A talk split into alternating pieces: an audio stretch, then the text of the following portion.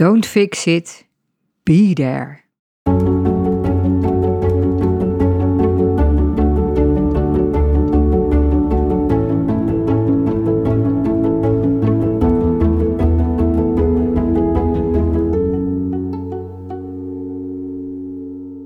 Leuk dat je luistert naar deze nieuwe aflevering van En we noemen het Storytelling.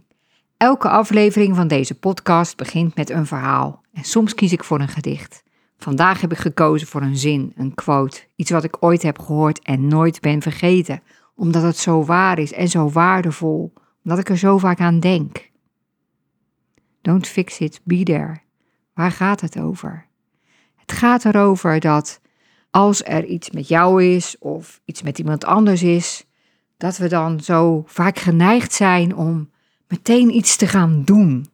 We willen het goed maken, we willen het beter maken, we willen een oplossing bieden. Bijvoorbeeld iemand vertelt: Ja, ik heb net een hele belangrijke opdracht gemist. Of ik heb nu toch echt zo'n ruzie met een collega. Wat gaan we dan doen? Heel vaak gaan we meteen advies geven. Joh, je moet nu echt naar je baas gaan en die moet je erbij halen, want die collega die zit jou al heel lang dwars. Of iemand is die opdracht misgelopen. Ja, de volgende keer moet je eerst even bellen. Want weet je, dan is gewoon veel duidelijker wat diegene wil. Ja, dat heb ik ook al vaker gezegd. Of we gaan vergelijken met iets van onszelf. We komen met ons eigen verhaal. Nou ja, dat is nog niet zo erg als die ene opdracht, weet je nog? Of die ene opdrachtgever zelfs die ik ben kwijtgeraakt. Of nou ja, joh, ik heb zo vaak ruzie gehad met collega's. En uh, je weet, uh, ik heb nog veel meer collega's dan jij en die zijn veel erger. We gaan het bagatelliseren. Iemand is bang om te vliegen. Dan zeggen we, maar dat is helemaal niet gevaarlijk. Weet je, je weet toch wel dat in een auto stappen veel gevaarlijker is? Of we veroordelen iemand. Maar ik had nog zo gezegd dat je dat niet moest doen. Ja, heel vaak gaan we meteen over tot actie. En heel vaak is dat goed bedoeld. We willen iemand helpen. We willen iemand, niet dat iemand zich naar voelt. We willen dat iemand uit deze situatie komt. We gunnen iemand anders dat hij zich of zij zich beter voelt. En ik denk ook heel vaak dat er, nou bij mij althans, zit er ook iets achter uit zelfbelang. Ja, je, je gaat met iemand wat drinken en die heeft iets, iets naars. Dan denk je, ja, nou, eh, we moeten het ook gezellig hebben. Dus uh, nou, we, we, we luchten de boel een beetje op. Ik weet niet of dat een uitdrukking is, maar zo zie ik dat dan voor me, dat we de boel een beetje op gaan luchten. maar dat doen we dus heel vaak. En dat is heel vaak uit goede bedoelingen en soms een beetje uit eigen belang. Maar we willen heel graag iemand uit die benarde situatie halen. Maar helpt het? Misschien heb je zelf ook wel eens gehad dat, dat je ergens mee zat en dat iemand met een advies kwam. Nou, heel vaak is het zo dat je zelf al lang aan dat advies hebt gedacht. Of dat je gewoon nog even helemaal niet op een advies zit te wachten. En je zit ook even helemaal niet te wachten op geruststellende woorden of op uh, bagatelliserende woorden of op een verhaal van iemand dat die het nog erger heeft meegemaakt. Wat je wil is dat iemand naar je luistert dat iemand er voor je is. Soms hoeft die iemand misschien niet eens naar je te luisteren. Soms is het al genoeg als iemand er gewoon is voor je, als iemand bij je is. Maar vaak, heel vaak, hebben we behoefte aan een luisterend oor.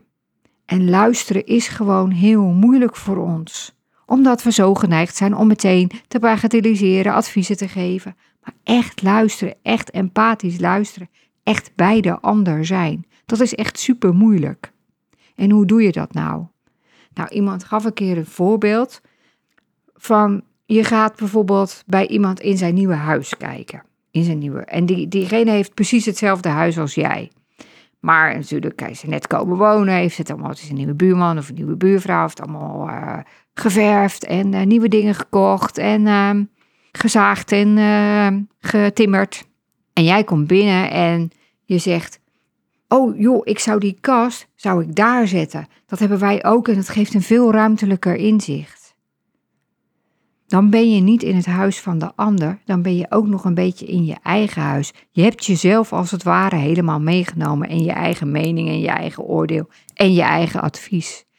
echt in het huis van iemand anders zijn is in het huis van iemand anders zijn en niet aan je eigen huis denken. Empathisch luisteren is ook vragen stellen. Vragen stellen waardoor iemand de situatie nog beter kan uitleggen. Waarom heb je voor roze gordijnen gekozen? Is roze je lievelingskleur? Hoe zat het dan met die opdracht? Hoe is het dan gegaan? En wat deed je toen? En hoe voel je je nu? En heb je het al eerder meegemaakt? Het zijn allemaal vragen die je kunt stellen als je empathisch luistert. Dan, dan, dan vraag je iemand en dan laat je hem of haar zijn verhaal vertellen, zonder dat je er zelf met je eigen verhaal of je eigen mening of je eigen gedachte tussen komt. En op een gegeven moment, het werkt altijd zo, op een gegeven moment is iemand ook wel weer klaar met, die, met zijn eigen verhaal. Dat zul je ook merken. Zegt hij, nou, zullen we het nu ergens anders over hebben? Of, maar hoe is dat toen bij jou gegaan? En wat je altijd kan doen is zeggen, joh, op een gegeven moment, nadat je empathisch hebt geluisterd, nadat je er be hebt gedaan, dan kun je alsnog kijken of je kan helpen om het te fixen. Dan kan je bijvoorbeeld aan iemand vragen, ik heb zelf ook een keer zoiets meegemaakt. Wil je horen wat ik toen heb gedaan? Of ik heb er pas iets over gelezen. Wil je dat horen? Of ik zat nog iets te bedenken. Ehm, is het handig als ik dat nu zeg? Of komt dat wel een andere keer? kan ik je ergens mee helpen? Hoe kan ik je helpen? Dat kan daarna. Maar eerst lucht het iemand gewoon enorm op om zijn eigen verhaal te vertellen. Bedenk maar eens, je moet maar eens proberen als je, als je zelf een keer iets hebt en je wil, wil je verhaal graag kwijt, je wilt een luisterend oor.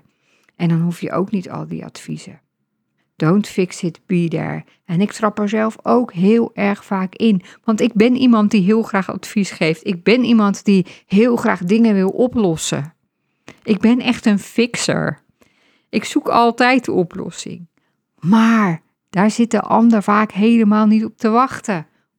Op termijn misschien wel, maar niet op dat moment. Don't fix it, be there. Die uh, uitdrukking, die quote, die ik dus nooit ben vergeten, die hoorde ik jaren geleden toen ik een heel veeldaagse training deed over geweldloze communicatie. Geweldloze communicatie is een beetje een gekke naam. Um, het is rechtstreeks vertaald uit de Amerikaanse stroming Nonviolent Communication. En in Nederland zeggen we ook wel verbindende communicatie. En het is een super mooie manier van communiceren met elkaar, maar ook super moeilijk omdat we helemaal niet gewend zijn om het zo te doen. Het is gewoon heel anders dan hoe we het gewend zijn. En die naam die roept natuurlijk ook altijd allemaal verwarring op. Ik weet nog wel dat ik het dan deed. En dan zei ik soms wel eens per ongeluk, ik doe een training geweldloze communicatie in plaats van verbindende communicatie. Hoewel ik dat ook wel niet zo heel lekker vond klinken. En dan zei iemand bijvoorbeeld, oh ja, later, oh jij mag natuurlijk niet vloeken hè. Want jij hebt geweldloze communicatie gedaan. Nou, vloek ik al nooit en heb ik er ook echt een heel erge hekel aan. Maar geweldloze communicatie gaat helemaal niet over dat je geen grove woorden of weet ik veel wat gebruikt. Of dat je nooit boos bent. Nou ja, in het ideale geval zijn we natuurlijk allemaal nooit boos. Maar het gaat over een heel andere manier van communiceren. En eigenlijk is dat, don't fix it, be there, is daar een voorbeeld van. Maar ook het empathisch luisteren, het echt bij iemand anders zijn, zonder je eigen verhaal mee te nemen. Dat is ook geweldloze of verbindende communicatie. En ja, wat ik al zei, we zijn er helemaal niet mee opgevoed. Het is gewoon heel anders dan hoe wij gewend zijn om te communiceren. Deze stroming komt dus uit Amerika, is daar uh, bedacht door een psycholoog uh, Marshall Rosenberg, die heeft ook de hele wereld is die overgereisd om bij allemaal grote conflicten met allemaal in allerlei landen, om daar ook een bemiddelende rol te spelen met zijn manier van communiceren.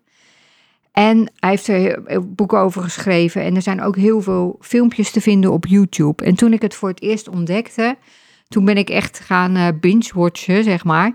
Dat woord bestond toen nog niet, want het was een beetje in de tijd van de waterputten. Haha. Maar nee, ik, ik, ik had het ontdekt en ik vond het zo fascinerend. Dus ik ben allemaal filmpjes gaan kijken op YouTube. Waarop hij met mensen. Hij gaf heel veel lezingen, Marshall Rosenberg. In grote zalen. En dan deed hij ook voor hoe het werkt. Dus als je die filmpjes, als je uh, wilt weten hoe hij het bedoelde, dan wil ik je echt aanraden om, zou ik je aanraden, zou ik je het advies willen geven om filmpjes op YouTube te gaan kijken. Zijn echt uh, super mooi. En ja, wat is het nou, verbindende communicatie? Nou, het is eigenlijk dat het er nooit om gaat om je gelijk te halen of om je zin te krijgen, maar altijd om iets te zoeken wat voor allebei de partijen het beste is. En dan niet een slap compromis, zeg maar. Dat idee heb je dan, maar een oplossing die voor allebei goed is. Ja, klinkt misschien ook weer ingewikkeld, maar ik geef bijvoorbeeld even het voorbeeld van: het is vrijdagmiddag en jij bent op vrijdag vrij en je hebt zin om vanavond naar de film te gaan. Jullie zijn al een tijd niet naar de film geweest en ja, er draait een leuke film en je hebt er echt zin in. Dus je stuurt een appje naar je partner van: Hey, zullen we vanavond naar de film gaan? En je krijgt het teleurstellende antwoord: Nee, ik heb daar niet zo'n zin in. Nou, dan kan je verschillende dingen doen. Je kan ervan balen, je kan je schouders erover ophalen.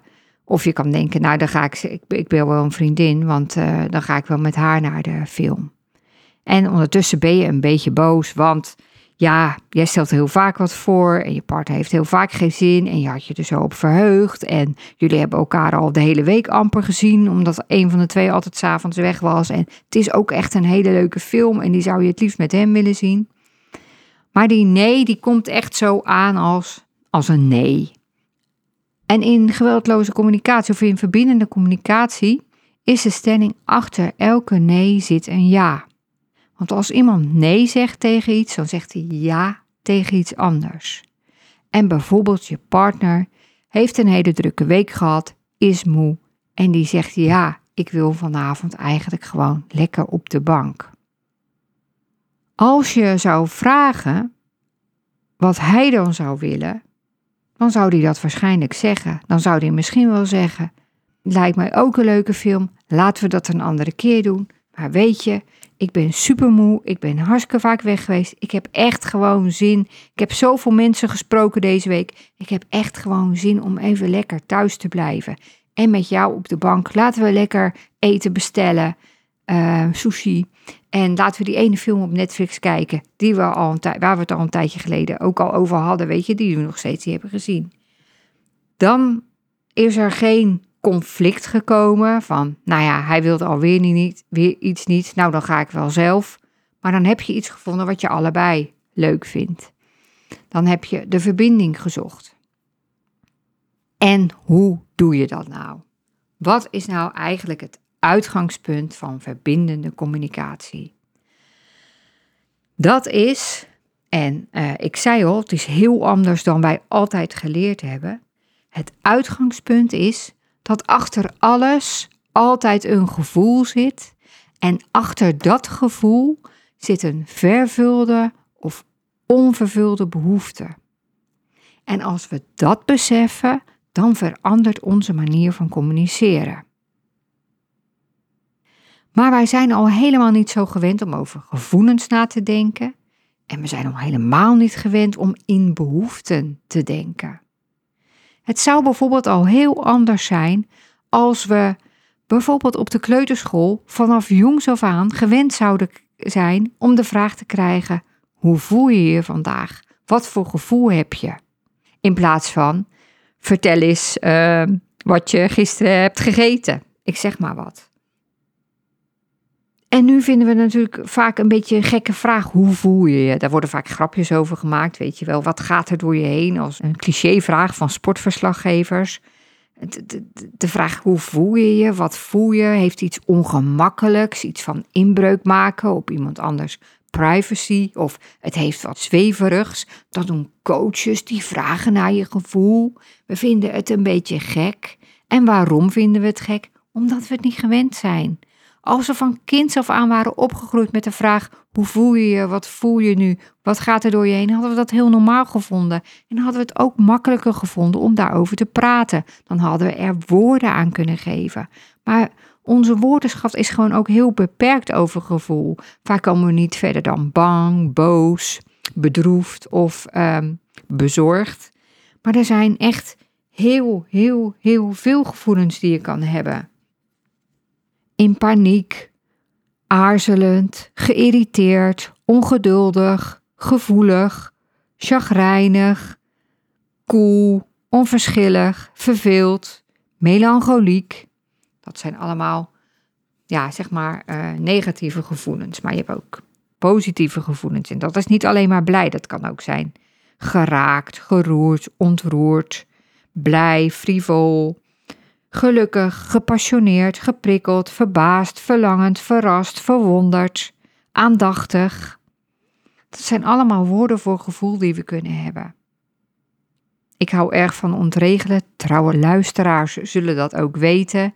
Ik vraag me heel vaak af waarom we dingen doen zoals we dat doen. En heel vaak is het antwoord omdat we dat nu eenmaal zo geleerd hebben, omdat we dat nu eenmaal gewend zijn. Zo vraag ik me bijvoorbeeld af waarom eindigen we altijd alle mailtjes en brieven en zo met, met vriendelijke hoogachting, net met de meeste hoogachting of met vriendelijke groeten of groet, in plaats van je bent geweldig. Als we dat zouden doen, dan zou het leven alweer een stukje leuker zijn, want iedereen vindt het fijn en belangrijk om complimenten te ontvangen. En het is ook altijd leuk om een compliment te geven. En zo zou je ook de vraag: hey, hoe gaat het? Een vraag die eigenlijk niemand serieus neemt. Goed.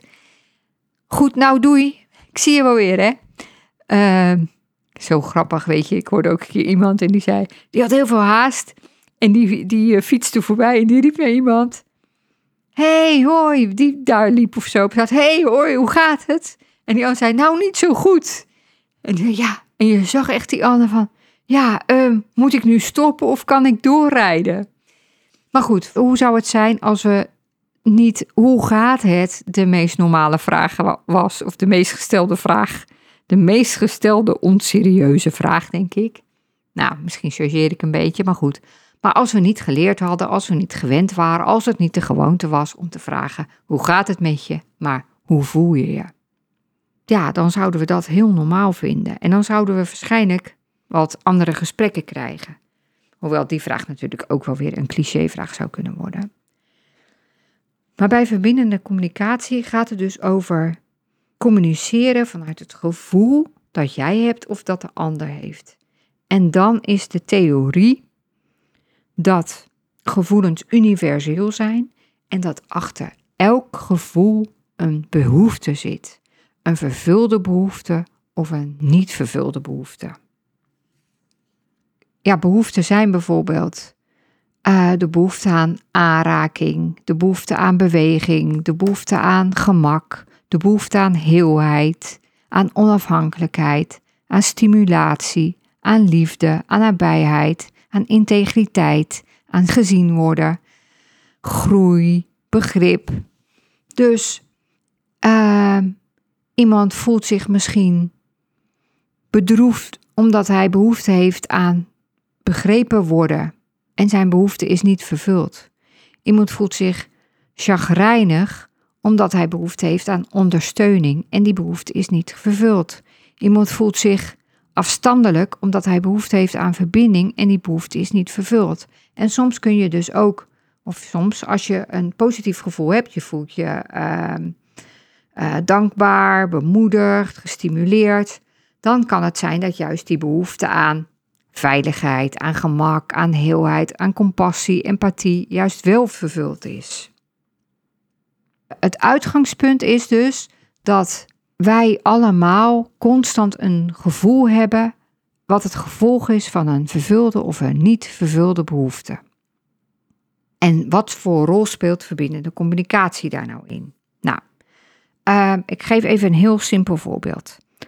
Je partner heeft uh, uh, allemaal sokken op, niet opgeruimd. Die liggen allemaal door de slaapkamer verspreid. En jij hebt al heel vaak uh, aangegeven en gevraagd of hij dat wil, die meteen wil opruimen, in de wasmand wil gooien of weet ik veel wat.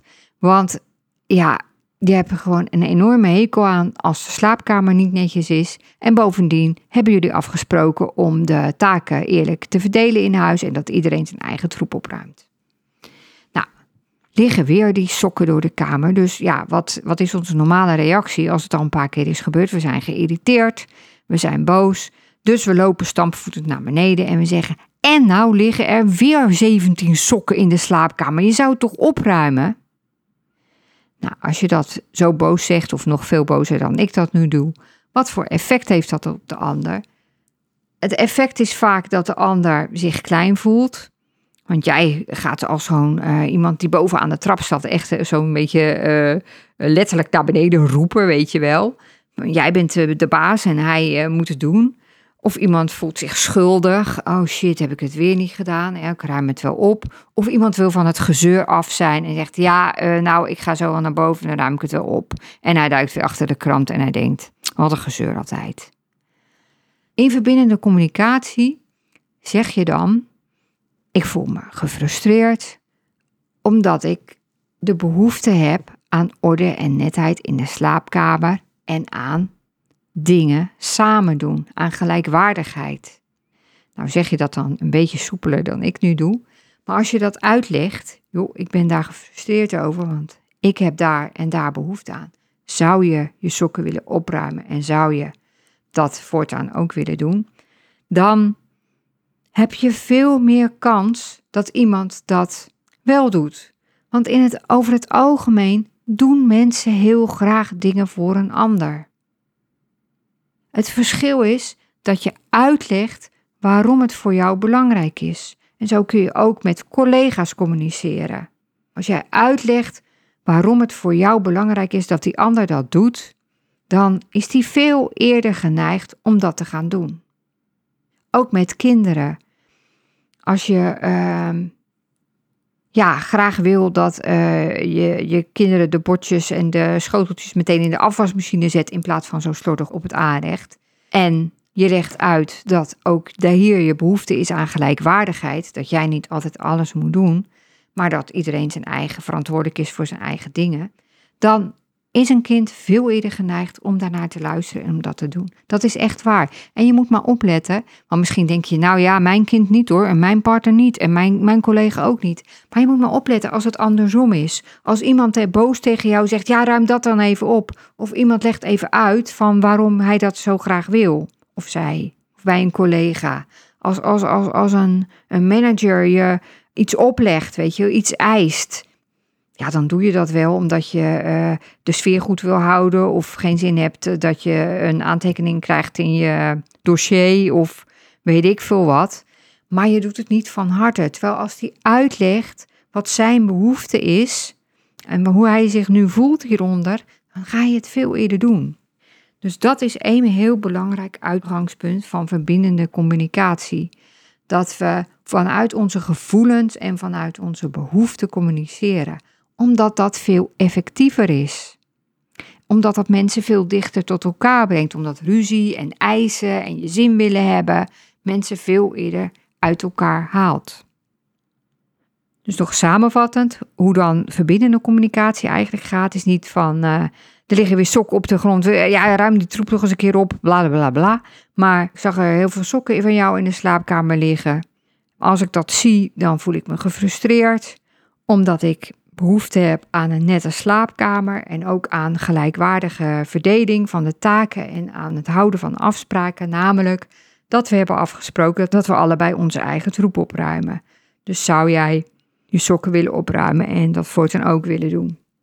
Nou, je kan het iets uh, minder officieel zeggen, maar ik hoop dat uh, duidelijk is wat het verschil is tussen onze communicatie die we heel vaak gebruiken en de verbindende communicatie die zorgt voor verbinding.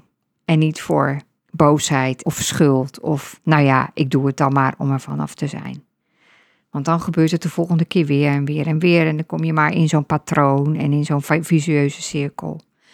Maar het is dus heel mooi ook al om voor jezelf na te gaan als je een bepaald gevoel hebt. En je bent bijvoorbeeld boos. Waarom ben ik boos? Of welke onvervulde behoefte zit er achter mijn boosheid? Dat is vaak heel verhelderend en het helpt voor jezelf dus enorm ook om daaruit te komen. Dus welke behoeften zitten achter mijn gevoel? Ik heb kaartjes waar alle gevoelens en behoeften op staan. Dus als je nu zit te luisteren en denkt, nou, ik vind dat wel handig, want dat helpt echt. Want omdat we zo beperkt zijn vaak in ons denken, omdat we het niet gewend zijn, kunnen die kaartjes heel erg helpen. Dus als je die uh, lijst wil hebben, dan uh, stuur ik die met alle liefde op. Dus stuur me dan even een berichtje, dan uh, komt dat in orde. Dit was eigenlijk geweldloze of verbindende communicatie in een notendop. Er valt nog veel meer over te vertellen. Er zitten nog veel meer mooie dingen in. Maar omdat het zo anders is, denk ik dat het nu wel even genoeg is. En ik vind het zelf ook best lastig hoor, om zo uh, na te denken. Zeker in het heetst van de strijd, weet je wel. Dan vergeet je nog wel eens dat je uh, beter in verbinding kan zijn dan in conflict.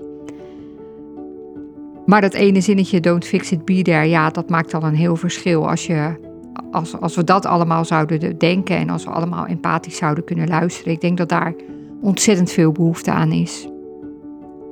Ik gebruik geweldloze communicatie of verbindende communicatie ook in mijn coaching. Het is een van de methoden en methodieken die ik uh, gebruik. En mocht je wat meer willen weten over mijn coaching, kijk dan zeker op de website janetvandijk.nl. Ik heb tot 1 oktober een mooie aanbieding voor ondernemers die vier maanden graag met mij zouden willen werken. Eén op één, geen groepsprogramma, geen online programma, maar echt een programma op maat voor als je je vak superleuk vindt, maar het ondernemen best lastig vindt. Of als je denkt, ja, ik zou toch wel iets anders willen. Of ik heb dat ene plan, maar dat, dat, dat vind ik zo lastig om het zelf uit te gaan voeren. Nou, ik zou het super tof vinden om met je samen te werken aan je strategie. Super mooi plan maken. Met een goed actieplan en die acties ook echt doen. Je mindset, zodat je niet steeds weer tegen dezelfde obstakels aanloopt. En je leert dan ook hele goede teksten maken voor je website en voor Instagram posts en voor mailings en waar je het ook voor nodig hebt. Dus mocht dat je aanspreken, neem dan zeker contact met me op, dan praten we er even over. En verder, dank je wel dat je weer hebt geluisterd naar deze aflevering. Super leuk. Ik zou zeggen, don't fix it, be there. En heel graag tot het volgende verhaal.